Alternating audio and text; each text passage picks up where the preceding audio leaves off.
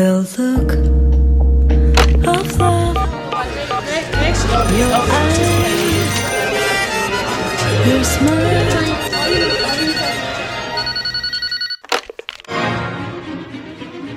Colores alienígenas.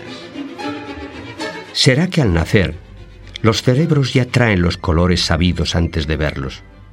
Lo demuestra esta particularidad de Antón, la sinestesia.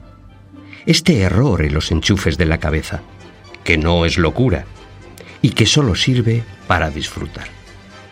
Pone todos sus sentidos en fila y los agita, que al llegarle olor a castañas asadas, él ve con total nitidez el color azul marino, por ejemplo. Existió un tipo que, además de sinestésico, era daltónico. Verde y rojo físicamente eran para él todo un mismo tono, pero para su cerebro no. Al estímulo de, no sé, del tacto de su gato, veía ese rojo que los ojos le negaban.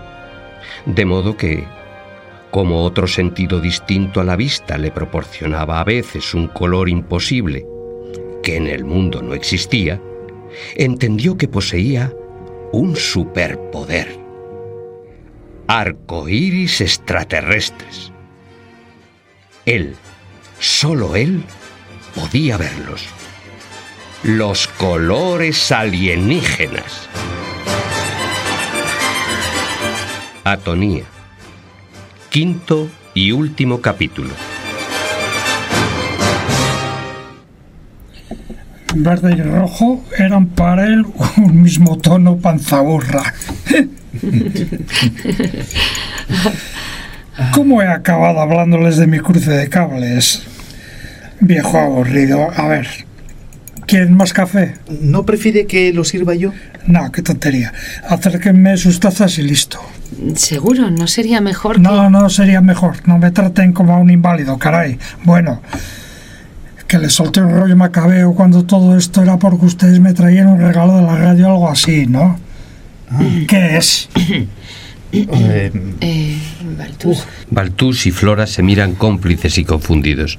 Si hubieran tenido que atravesar medio país para hablar con ese hombre, quizá durante el trayecto habrían caído en comprar una baratija que sirviera de coartada a aquella absurda visita. Pero la verdad, sí, el premio. El, eh, verá, es- huyendo como iban de una pareja de polis cegados con colonia de coco, en cuanto descubrieron la dirección de origen de aquel número de teléfono, se refugiaron felices en aquella casa. Y ahora no tenían un premio que dar, y aquello era un problema. pues la verdad, es, eh, el premio... Eh, eh, Antón, espera. Antón, recuerda que ayer yo misma hablé con usted. Sí, tenía usted la voz helada y sucia. ¿Qué diferencia luego cuando llamó para decirme lo del premio? Y ahora, mmm, Jazmín. ¿Qué he ganado entonces? verá, verá. Buscamos. eh, este, el premio se da. ay, O sea, mire. En nuestro trabajo hay gente, nos encontramos a alguna gente que se encuentra en una situación completamente contraria a la de usted, que no pueden sentir nada. Ah, no. Ah, no. Caray, qué faena. Uf, sí, mucho. Entonces nosotros, o sea, si usted nos cuenta un poco, por ejemplo, con el canon, digamos, todo eso que usted ve y toca y huele y ve, porque lo ve, ¿verdad? Sí, señorita, no lo dude. Bien, pues eso, si usted nos contara para que esta amiga nuestra, Bueno, bueno, bueno, o sea... mía, es amiga más mía que de... Bueno, bueno, eso que nosotros le grabamos y luego se lo hacemos escuchar y quizás reaccione. Ah, el canon de Pachelbel. ¿Y el premio? Eh, Sí, bueno, el premio... Bueno, ¿Y el canon? Ah, el canon.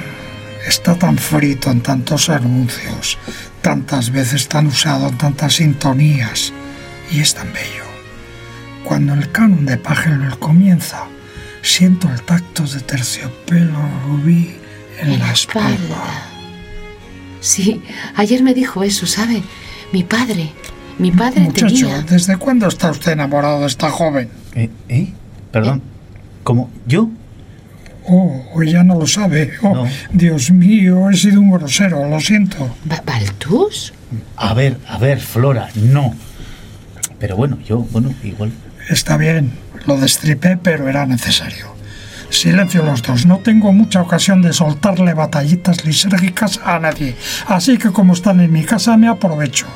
Chico, tu voz trae sabor de miel del romero que es transparente. Oh, qué rica. Sí, mucho. ¿Sí? Calla un poco. Esta capacidad que tengo me lleva a un trabajo peculiar, parecido a lo que me están pidiendo que haga ahora. Transmitirle, explicarle todas las sensaciones que me proporcionaba la música a una jovencita sorda. No era la más guapa, ni la más lista, pero me enamoré. El proceso era el siguiente. Yo escuchaba una pieza y escribía en un cuaderno todas aquellas sensaciones en el orden en que iban apareciendo. Luego, en el saloncito de música de su casa, ponía el mismo disco. Ella apoyaba una mano sobre un altavoz y yo le iba pasando mis hojas escritas a medida que la obra avanzaba. El canon de Pachelbel. Me lo cruzo tan a menudo que constantemente revivo el azul marino sustituyendo el tinte rubí del terciopelo poco a poco las chispas de cobre que se esparcen por encima de la tela cuando suena la nota convertirse paulatinamente en esferas azul celeste que caen como gotas, resbalando aceitosas, rítmicas, violeta y chocolate al estrellarse. Pero, pero ¿cómo puedes saber eso? Claro, porque usted es... Ciego, sí, soy ciego. Ya les expliqué a ustedes antes con el ejemplo del tipo daltónico. El hombre veía colores alienígenas que sus ojos nunca percibieron. Yo soy un caso más extremo. Y bueno, Claudia era como usted cree que es usted, señorita, completamente insensible. Mi amiga, ¿eh? Es mi amiga la que... A la porra su amiga y su regalo, tontaina. Soy ciego pero veo colores. ¿Cree que puede engañar a un superhombre como yo? Usted ayer estaba bloqueada, sí, vocelada, nieve sucia, pero hoy no. Yo no sé qué le habrá pasado, pero... Murió mi padre hace tres días en Argentina.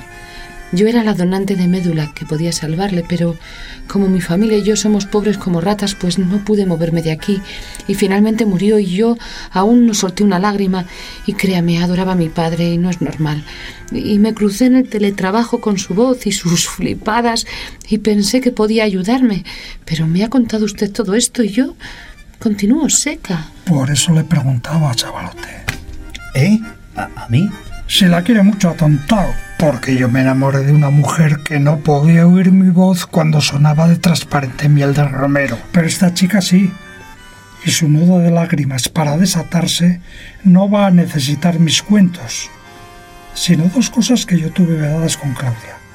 Una, oírla a usted. Y dos, sentir el pálpito de su corazón cerca del de ella. Oh, Bueno, disculpe, pero me parece que a usted se le va Que mucho la hable usted con cariño, tontolaba. Y que la abrace fuerte. Todavía más claro. Llevo llaves, no se preocupen. Virgen Santa, ¿cómo puede ser tan babieca un voz de tontán? Pero es que están tontolinaos, ¿o ¿qué cojones les pasa? ¿Es verdad? Que, que si es verdad que... Que yo te gusto. Bueno, es verdad que por ayudarte, ¿eh? yo, yo te abrazaría. Ajá. Vení. Voy, ¿Vienes? voy. Baltasar se acerca a Flora y dulcemente la abraza. ¡Ey, ey, ey, ey! ¿Qué está pasando? Primero, recordé que te has cargado al gato. Ay, Y luego...